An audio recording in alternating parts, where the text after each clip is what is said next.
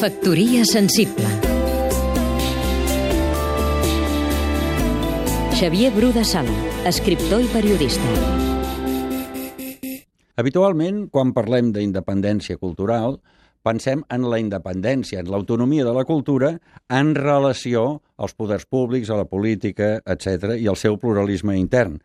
Però els volia avui eh, fer partíceps d'un descobriment que eh, consisteix a fer veure o notar que un país com Grècia va arribar a la independència a través de la cultura, no de la cultura pròpia, sinó de la seva antiga cultura.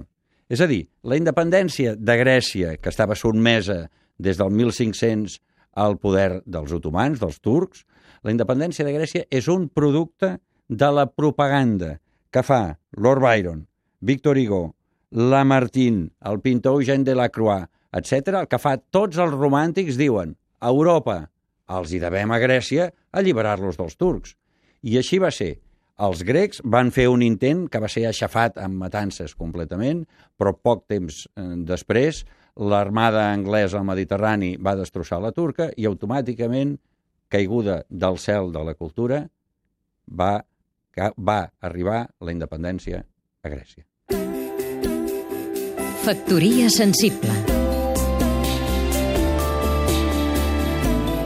Seguim-nos també a catradio.cat.